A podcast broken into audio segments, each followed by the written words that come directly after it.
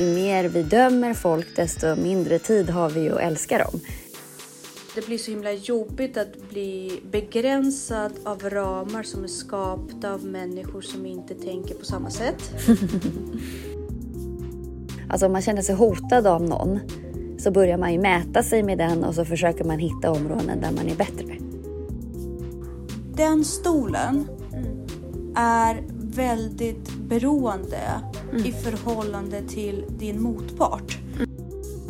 Den här viljan att nå fram, viljan att vilja den andra väl. Vi skapar en verklighet därför att förutom ting, alltså förutom saker som faktiskt existerar, så finns ju bara en diskussion i relationer. Och det är ju den som faktiskt skapar en relation. Det är ju vår synsätt på, eller vår uppfattning av det vi, vi upplever i verklighet. Hej Jessica! Hej Tanja! Hur mår du? Ja, men det är bra. Eh, det är bra, det är ju sommar och däremot har jag ju blivit på lite så här eh, stress över att det är slut snart. Men det är väl bara, vad är det för datum? 11 idag? Ja, Ja, det är sant. För mig är det mindre än en månad kvar. Hur mycket är det kvar för dig? ja, men det är väl något sånt. Det går så fort och man mår så bra. Ja, jag vet. Det är väl det som är problemet. Ja, precis. Det är liksom... Egentligen, jag har tänkt på det här ganska mycket. Om jag hade blivit självförsörjande Mm.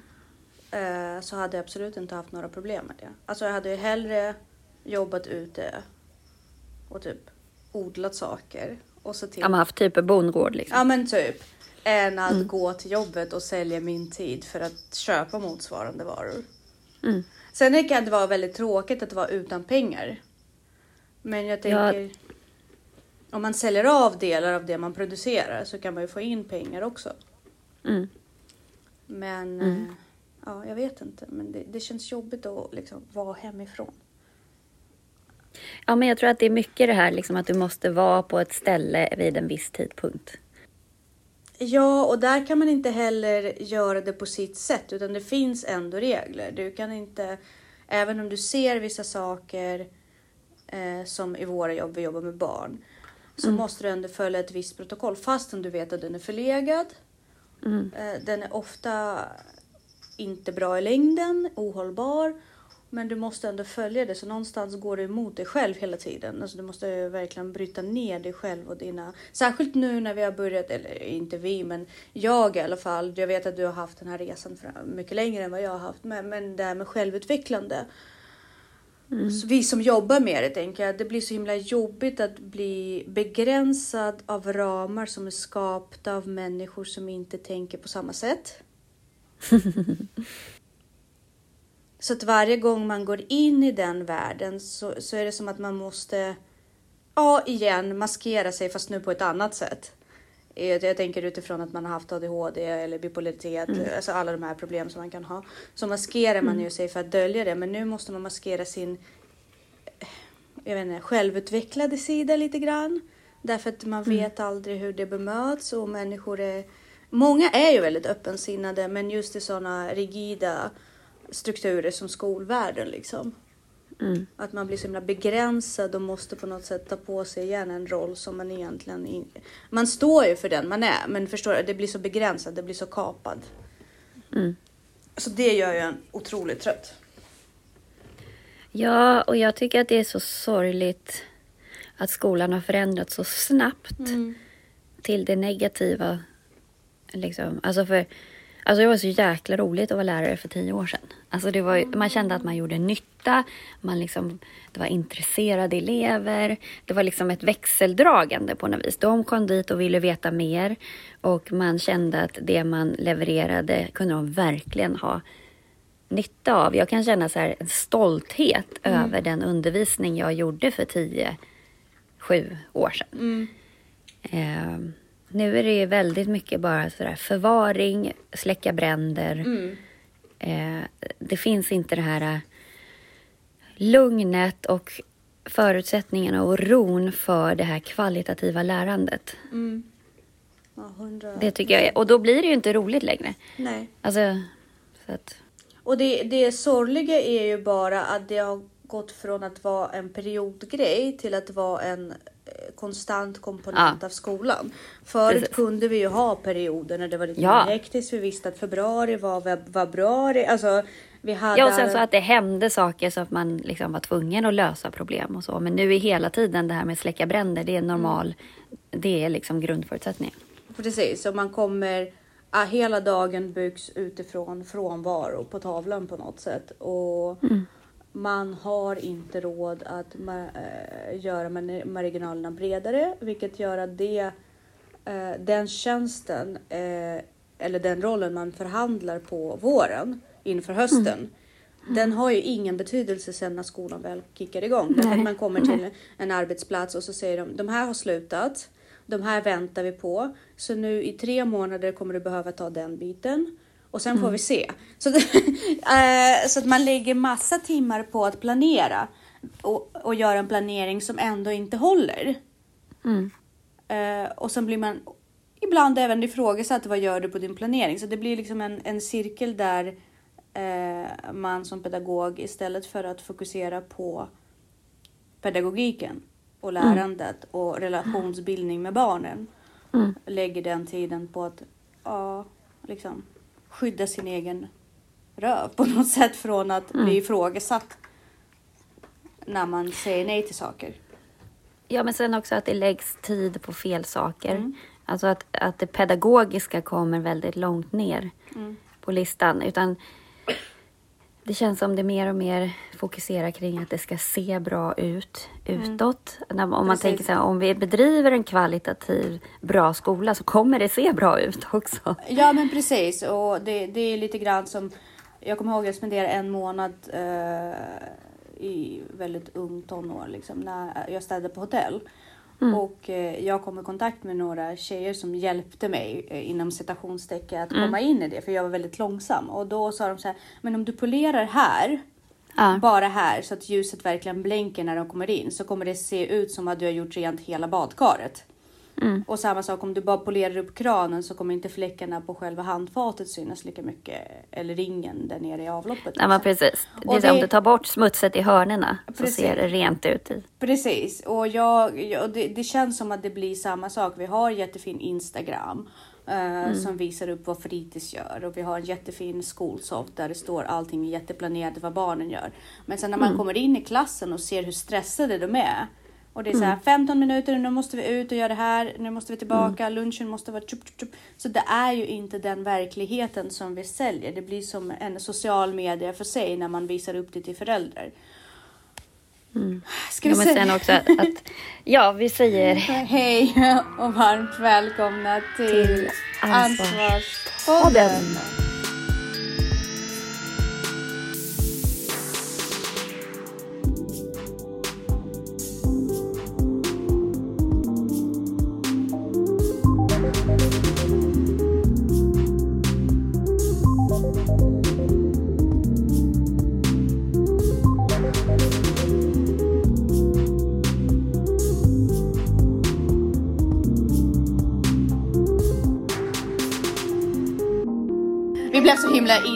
Ja, nej men precis. Men, men det är ju det här också så här, om barnen mår bra och är snälla mot varandra, det är liksom Mm. A och O. Men barn är inte snälla mot varandra i för hög utsträckning idag och då blir det inte, det blir inte bra. Nej, och, Och då spelar det ingen roll vad man har för färg på dukarna i matsalen eller liksom... Alltså ja, man precis. måste... Man har ljudisolerande eh, skärmar. Eller det, det, det är den grundläggande respekten och människosynen som inte funkar hos dem. Mm. Och det tror jag är för att eh, lärarnas auktoritet har urholkats. Ja, och sen också för att de inte... Det är för stor procent som faktiskt inte är uppfostrade. Alltså de kommer till skolan med en ganska oskön människosyn och kommer till skolan oförberedda för att samverka i grupp. Ja, och sen är de otrygga inför vuxna tycker jag. Alltså de, de, de saknar Och inför varandra också. Ja, definitivt inför varandra. Men det tänker jag att barn ofta har.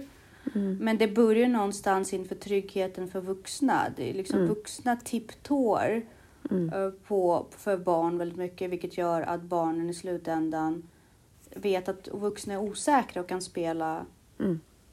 på det. Eh, och samma sak när, när vuxna hemma ifrågasätter vuxna i skolan vid Mm. middagsbordet och sådär. Så skapas ju det här förhållningssättet som att pedagoger är servicefolk. Mm. Eh, och servicefolk får man tydligen göra lite hur man vill med.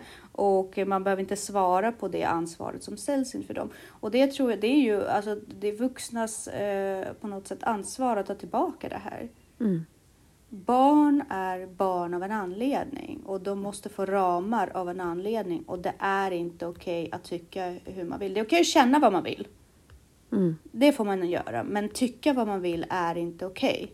Därför det leder till handlingar. Och där är ju en initiell, jag tror att det som knäckte den koden ganska bra för mig var ju den podden vi hade förra, förra veckan angående att bryta ner mönstret mellan känsla, tycke och agerande. Mm. Och där måste man ju jobba väldigt mycket med barn och säga att du får ha din känsla och du får känna ilska eller aggression eller besvikelse. Det går bra. Men du får inte börja integrera det i din tankevärld. Mm. Du måste på något sätt begränsa det där. Ja, du känner dig frustrerad så. Det här är ändå saker som måste göras för att nå de här målen. Ta med din känsla, men integrera inte den i din värld på det sättet. Nej. Precis. får, ja. Jag vet inte. Men idag är också ett väldigt spännande tema som vi kommer ha, eller hur? Ja, Och det går ju ändå in i det för att eh, Absolut. eh, det är ju relationsbildande och just hur man kan förklara för barn att förhålla sig till barn. Mm. Eh, respektfullt men ändå med integritet och krav. mm. Förväntningar på något sätt som, eh, som är mer basala. Vill du presentera? Jag tänker på Luce Evans. ja eh, hon har ju en teori kring eh, fy, eller fem stycken stolar med eh, olika... Eh, ja, men det är lite samma där som med färgteorin till exempel. Eller att man är ju i olika stadier beroende på vad man utsätts för självklart. Men att man identifierar då vilken stol man sitter i just nu. Eh, och det är liksom ens eh, beteendekompass, eller vad man ska säga. Eh, och varje stol representerar olika reaktioner till olika saker eller problem eller personer eller så. Och syftet är ju att eh, vässa till liksom, medvetenheten kring sina egna eh, beteenden i vissa situationer för att då kunna utvecklas och, och så. Eh, så att en negativ reaktion kanske kan bli lite mer fruktbar. Eh, men de, de stolarna hon tittar på, eller som hon har plockat fram, då är först den här röda stolen som hon kallar för schakalen, eller liksom det är så attack. Eh, och den är ju associerad med liksom fördömanden och eh, otrygghet. Eh, Precis. och Så att, när, när man möts av en situation så Mm. blir man väldigt dömande från början och man tolkar ett beteende utifrån ett dömande perspektiv. Ja, och det blir ju Eh. en tävling. Att man, då försöker man ju hitta det dåliga hos den personen för att den ska då bli sämre, alltså för att man själv ska känna sig bättre på något vis. Och det tror jag att alla gör. Alltså om man känner sig hotad av någon så börjar man ju mäta sig med den och så försöker man hitta områden där man är bättre. Precis. Och eh, det jag tänker på här är ju också väldigt intressant för jag tänkte ändå att vi ska försöka fläta in eh, Ester Perel. Heter hon Mm. Perel eller heter hon? Ja, hon heter Perel. Ester Ja. Perel och eh, som är en annan relationsvetare Mm. som i det här också pratar om, för jag tycker det är bidragande. Hon pratar om att i relationer eller överlag så handlar Mm. alla konflikter eh, om tre saker. Mm. Och, och det är kontroll, eller makt, kontroll och igenkännande. Mm. Så i det här fallet då man sätter sig på den röda stolen och börjar eh, ifrågasätta den andra personen eller döma den andra personen. Mm. Då måste man fråga sig själv, handlar det om att jag tappar kontrollen över situationen? Mm.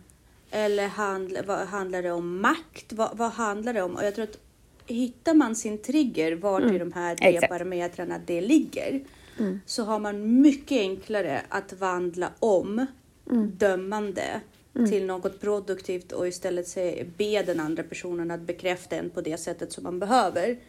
För att det inte ska kännas så. Jo precis, och i den röda stolen så känner du ju, du känner dig, du värderar dig lågt i rummet och du känner dig hotad. Sen kanske man inte inser det själv utan det blir istället att man tycker att den här losen liksom. Men så fort du tänker negativa tankar om andra människor så värderar man sig själv lågt i rummet. Ja, Eh, om det inte är, liksom, handlar om moral. Alltså det finns ju negativa tankar kring någons handlingar och, och moral. Men när man går på någon och tycker att den klär sig hopplöst eller att den är en tönt eller att den är liksom... Då värderar man sig själv lågt i rummet. För att annars har man inget behov av att gå till personangrepp till andra. Precis. Och Precis. eh, hon eh, framhäver ju här att liksom, ju mer vi dömer folk desto mindre tid har vi ju att älska dem. Ja, det var väldigt vackert citat faktiskt. Så att, eh, Det eh, var... det handlar egentligen om alla negativa tankar du har om andra människor. Det här har ju, säger Kai Pollak också.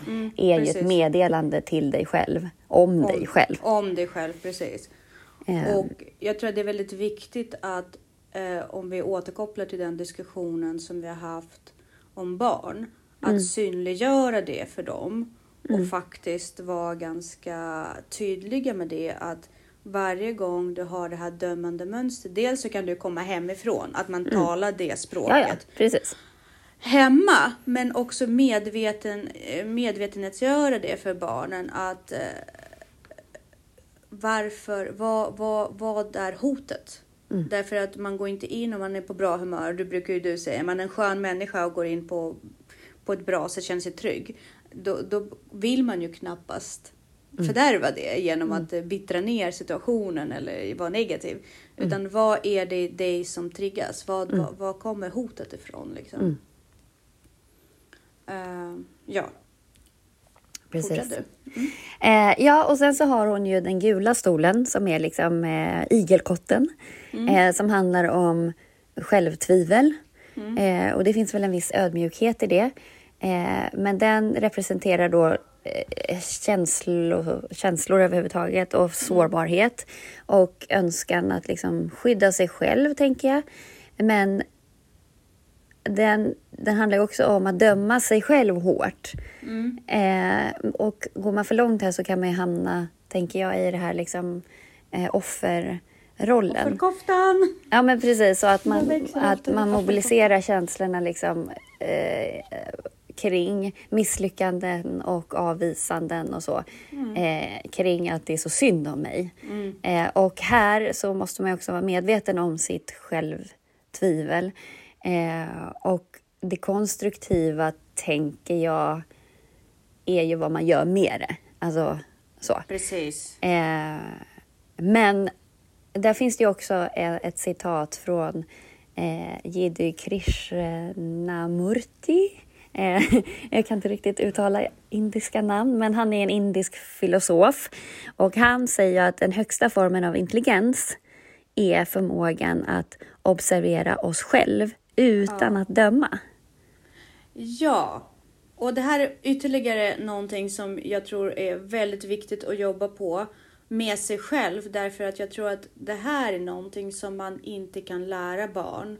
Det är få saker man kan lära barn om man inte kan dem själv egentligen. Men just detta tror jag är en väldigt känslig och intuitiv eh, process. Där, man, där man kan förlåta och inte döma sig själv och en acceptans för sig själv. Hur man pratar, även om sina potentiellt misstag. Men inte utifrån en dömande situation utan jag gjorde nog en missbedömning och eh, det, det lärde mig det här. Men jag gick också miste om de här saker. Och mina känslor har spelat ut och det är en läkande process i det hela. Men det är min resa liksom utan att vara så här, åh så jävla dumt av mig, varför satsade jag på det här och nu har jag gått miste om det här. Liksom hela den biten. Att man ofta är snällare mot andra än att man, än, eh, man är mot sig själv. Mm. Eh, och det tror jag är verkligen någonting som barnen lär sig intuitivt. Det här är ju väl, eh, om man inte beter sig i enlighet med det här väldigt accepterande sättet mot sig själv också. Så tror jag väldigt svårt att få eh, föra över det på barn. Mm. Det betyder inte att man får lov att vara ansvarslös. Det är inte det det handlar om. Nej, men precis.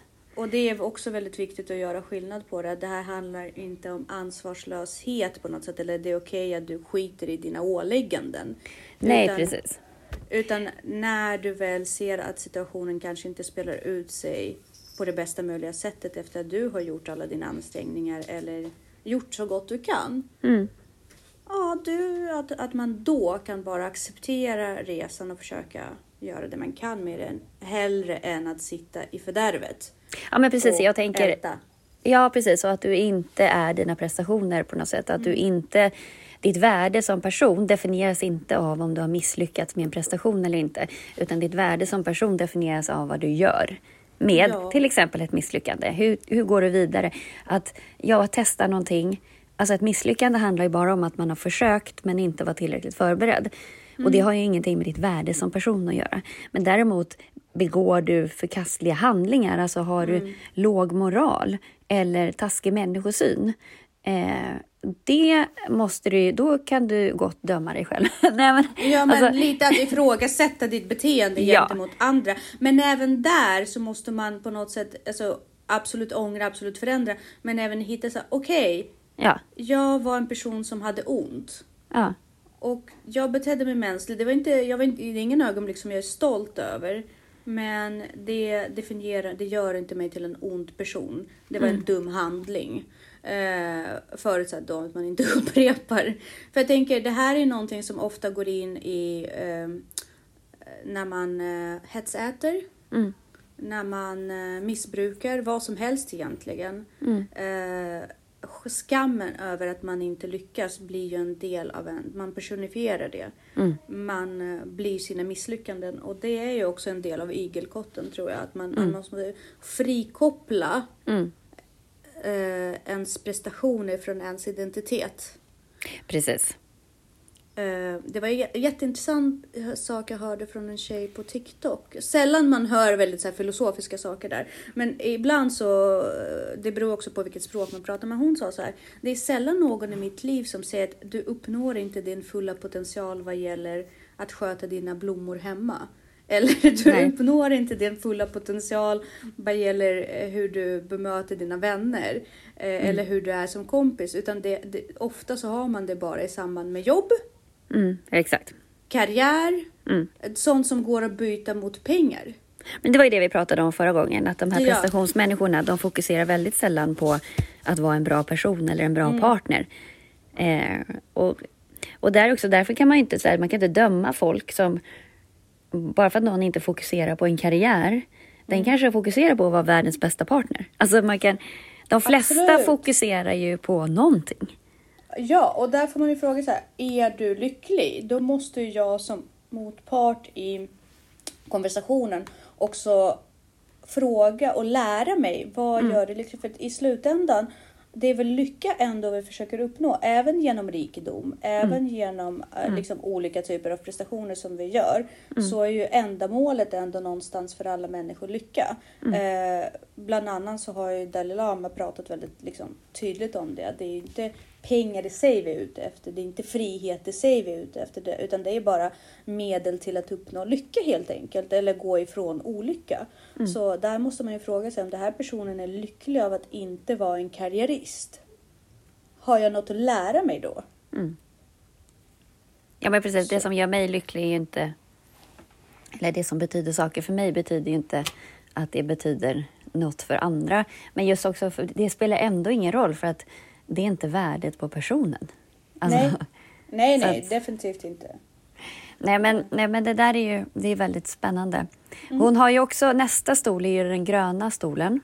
Surikater. Surrogater, precis. Eh, som hon jämförde dem med. Och det är att stanna upp eh, och att man är observant och nyfiken och medveten och eh, att man är liksom... Eh, vad heter det när man är liksom vidsynt? Jo, men att man tar sig ett ögonblick och bara Ja, ja, iaktta och ta in vad som händer utan att göra några bedömningar eller lägga in några värderingar. Ja, att man precis. bara samlar på sig information. Men också att man är rörlig i sinnet. Liksom. Att man hela tiden reflekterar på vad, kring vad som händer och vad man själv tänker och vad andra tycker och tänker.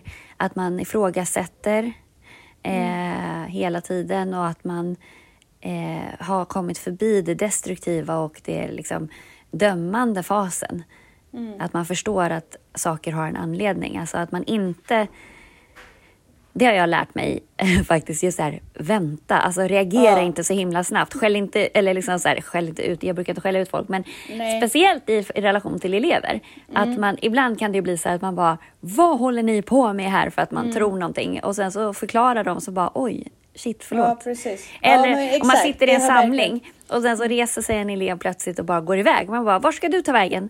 Men jag ska bara ta in den här bollen som rullade iväg. Liksom. Alltså, så här, oftast så menar de ju väl. Mm. Eh, att man inte är så snabb på att då döma och eh, tillrättavisa, utan att man avvaktar lite. Där har jag faktiskt sluppit hamna i många obehagliga eller liksom lite pinsamma situationer. Att Mm. jag liksom väntar fem minuter för att se vad det är han faktiskt ska göra istället för att Mm. utgå från att de ska hitta på skit. Eh, så att, eh, och hon drar ju ett citat från Nietzsche Mm. eh, som var ganska så här, ja men det var lite, eh, du har din väg och jag har min väg. Eh, men vad det gäller den rätta vägen, den enda vägen, så finns inte den. Nej, den Eh. är väldigt spännande tycker jag. Ja, eh, och det, det bidrar ju till liksom lite öppenhet till oliktänkande. Ja, och det, framförallt den citaten är väldigt viktig också att... Uh, Och det pratade vi också om förra gången, just när det Ja. gäller dig och, och Paul till exempel. Ja men exakt. Och, och de saker som, som är rätt svåra för vissa människor att förstå. Att en rätt väg handlar ju inte om någonting definitivt. Och, och här är också väldigt eh, spännande. För barn är ju ofta vana vid att bli instruerade av vuxna. Eh, I den kampen som vi för med barn, därför det är ju en kamp. Det är ju alltid en kamp om makt och eh, utveckling och eh, det, det, det är en ganska hektisk process så.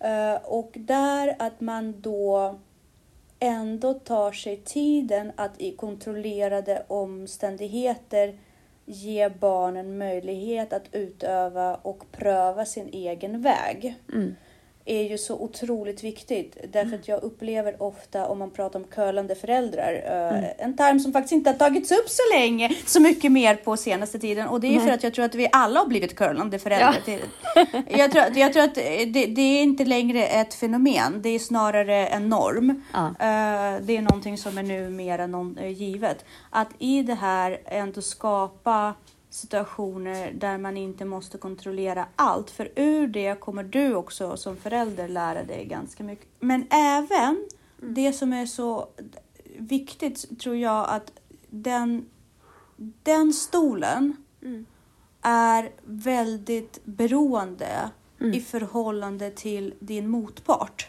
Eh, Oavsett vad det är. Därför du måste också få möjlighet och tid att inte respondera.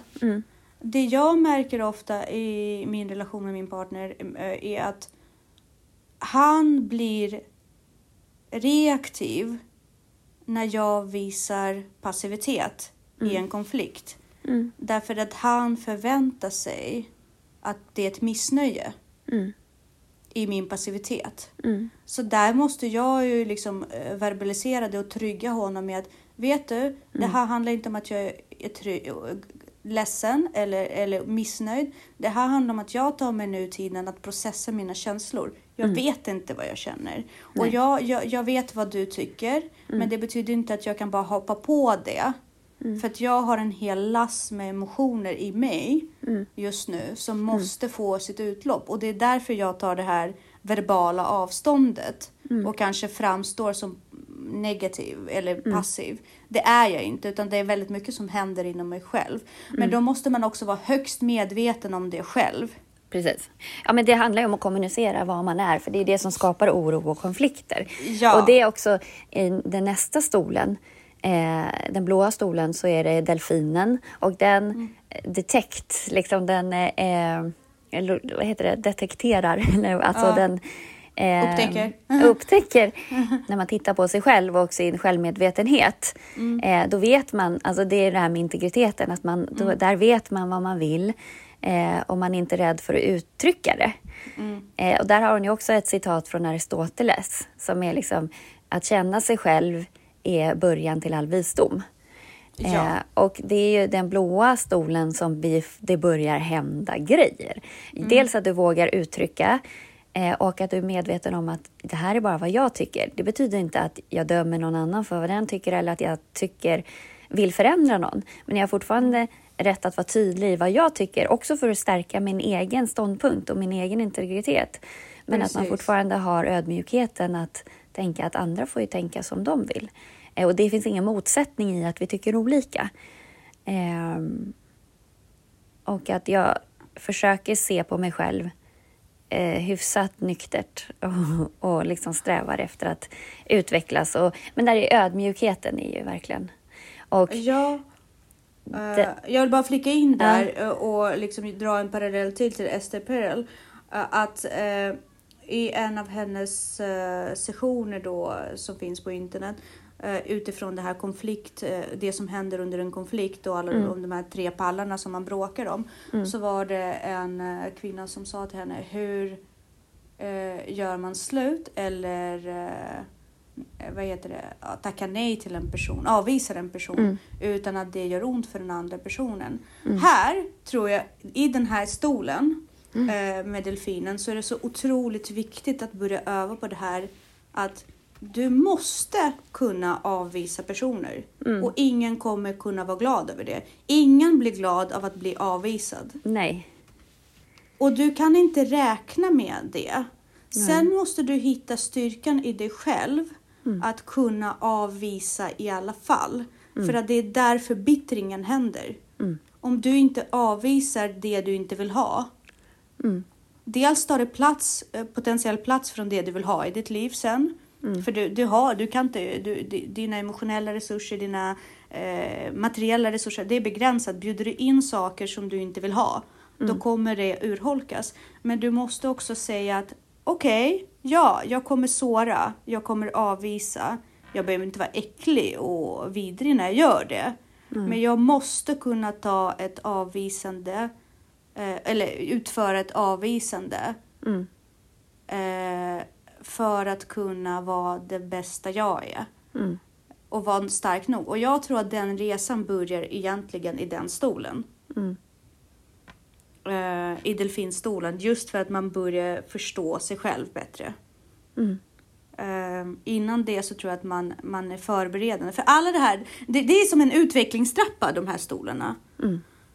Och när man kommit till delfinen och kan känna sig själv, då måste man också börja öva på det här med att avvisa rättvist. Mm. Tror jag. Precis. Mm. Ja, Nej men verkligen. Men man kan alltid göra saker vänligt. Mm. Det är väl det. Eh, och sen den sista stolen är den lila stolen med giraffen och det mm. är ju eh, bron över, liksom, kopplingen. Mm. Så att när du har gjort de andra stegen i dig själv, det är då du kan verkligen förankra i andra. Och mm. giraffen eh, har ju den längsta halsen liksom, så att den kan se. Men det har också det största hjärtat av alla mm. djur. Eh, och eh, eh, då använder hon det som symbol för empati och medkänsla. Mm. Eh, och här släpper man sitt ego och lyssnar till lyssnar på andra människor och verkligen försöker sätta sig in i hur andra, alltså hur den här viljan att mm. nå fram, viljan att vilja den andra väl och då utgå mm. från den andras kärleksspråk eller behov eller så. Där har ni också ett citat från Abraham Lincoln eh, där han har sagt att jag gillar inte den där mannen Eh, så jag måste lära känna honom bättre. Så starkt Eller så här, jag gillar inte den där personen, därför måste jag lära känna så den bättre. Så starkt citat. Eh, um. Och då jämför det här med den fördömande schakalen. Mm. Eh, som, liksom vill, som kommer avfärda det här och vara liksom fördömande. Och, eh, istället för giraffen då som är tolerant och, och accepterande. Ja, och jag, jag tror så här, om vi ska definiera eh, bara för att, för att jag tänkte också på det när jag lyssnade på det här, om vi ska definiera eh, om jag får lov att definiera vår relation lite, så fångade du upp mig när jag var ganska mycket i schakal eh, placering i mitt liv överhuvudtaget. Och eh, ja, men jag upplever det därför det har varit en sån himla enorm resa för mig från allt som har hänt sedan vi började, inte minst podda. Och eh, du hade ju tålamodet att på något sätt följa mig i den resan. För jag har ju, by- alltså, om man ska vara krass så har jag ju bytt all mitt omgänge de senaste åren som vi har uh, umgåtts. Eh, så att jag har ju inga i princip vänner kvar. Eller i, princip- eh, i princip inget omgänge kvar från vart jag var när vi började prata och så till idag. Och jag tror att det har ju successivt varit lite som så bonsai-träd upplevelse för mig att jag har kapat de grenar och odlat och det har gett utrymme till andra grenar att, att, att komma fram. Sen så hoppas jag verkligen inte att det handlade om att du inte tyckte om mig utan att det tvärtom handlade om att du tyckte om mig. Men jag, tror- jag tror att det återspeglar väldigt mycket den resa man, man gör tills man kommer till giraffen. Ja, men för mig var det verkligen så här, alltså eh, defining eller så här. Vi hade ju en diskussion i personalrummet där du tog en ståndpunkt som var lite oväntad och som jag kände så här, shit, det här är ju en jätteintressant person. Eh, jag kommer ihåg den diskussionen och jag, jag vet att jag skulle fortfarande ta den ståndpunkten idag. Jag tycker fortfarande att eh, det var för jävligt med uh, metoo och hela mansvåld mot kvinnor grejen och särskilt nu när jag har lärt känna en hel community och en helt annan sida av mental ohälsa och mental våld. Eh, där jag inser att bara för att vi kan synliggöra våra blåmärken så betyder det inte att män lider mindre i vissa relationer än kvinnor. Eh, och att det här är inte en kamp, eh, det här är inte kamp mellan könen, det här är en gemensam kamp för mänskligheter och människovärde.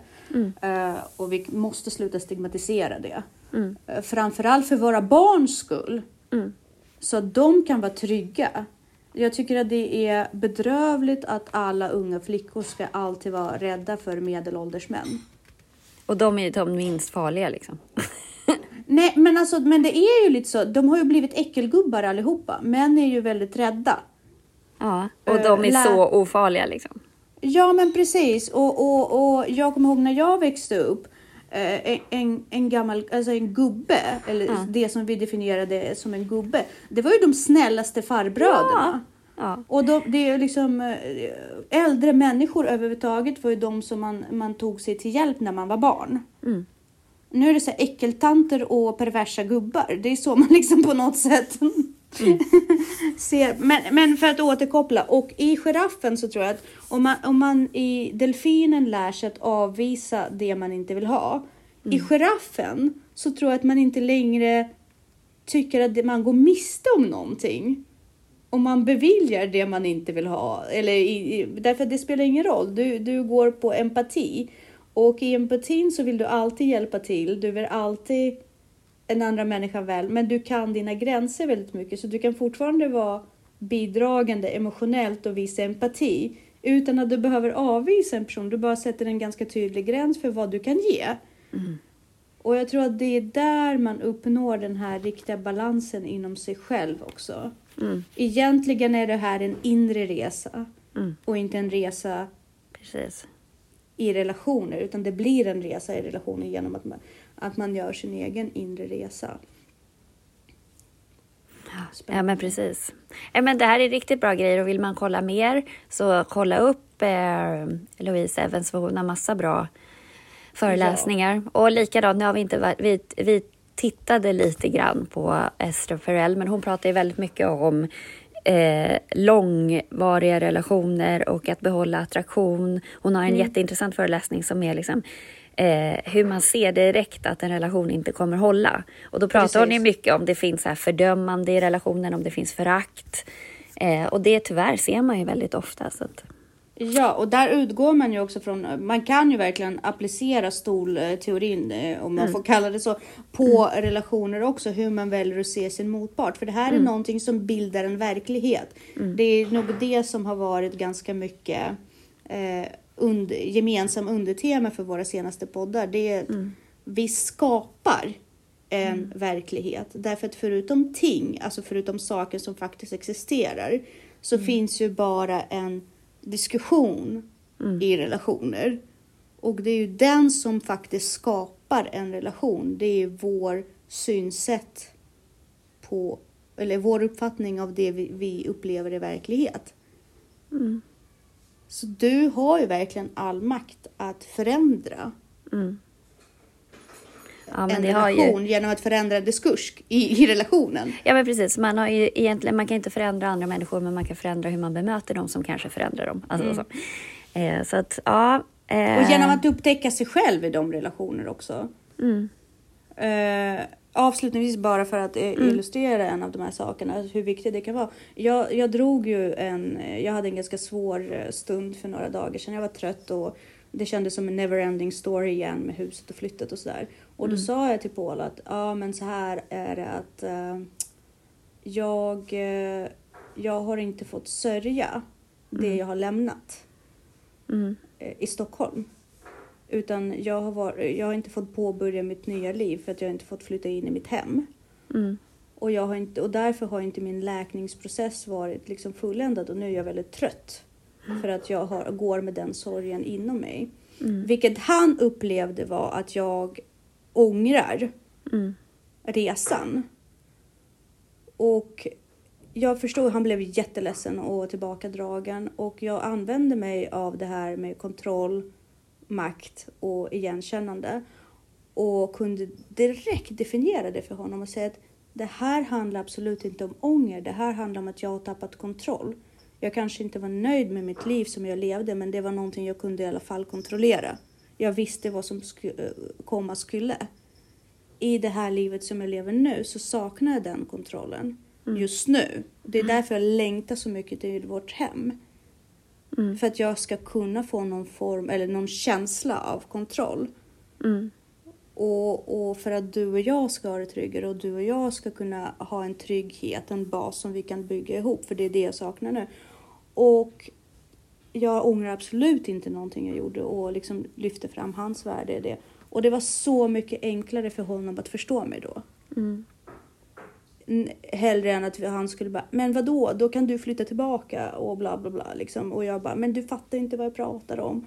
Och varför ska du vara så dömande? Och varför kan du inte fatta mina känslor? Ja, men jag fattar ju själv inte mina känslor. Då kan inte jag lägga fram dem på rätt sätt. Så Nej. jag tror att i en diskussion med din partner så, är det, så börja, sätt på dig luftmasken själv och sen på ditt barn eller din partner. Försök att sålla och vara rättvis Mm. i, ditt, eh, i, din, i din bild av dig själv. Mm. Åh, ja.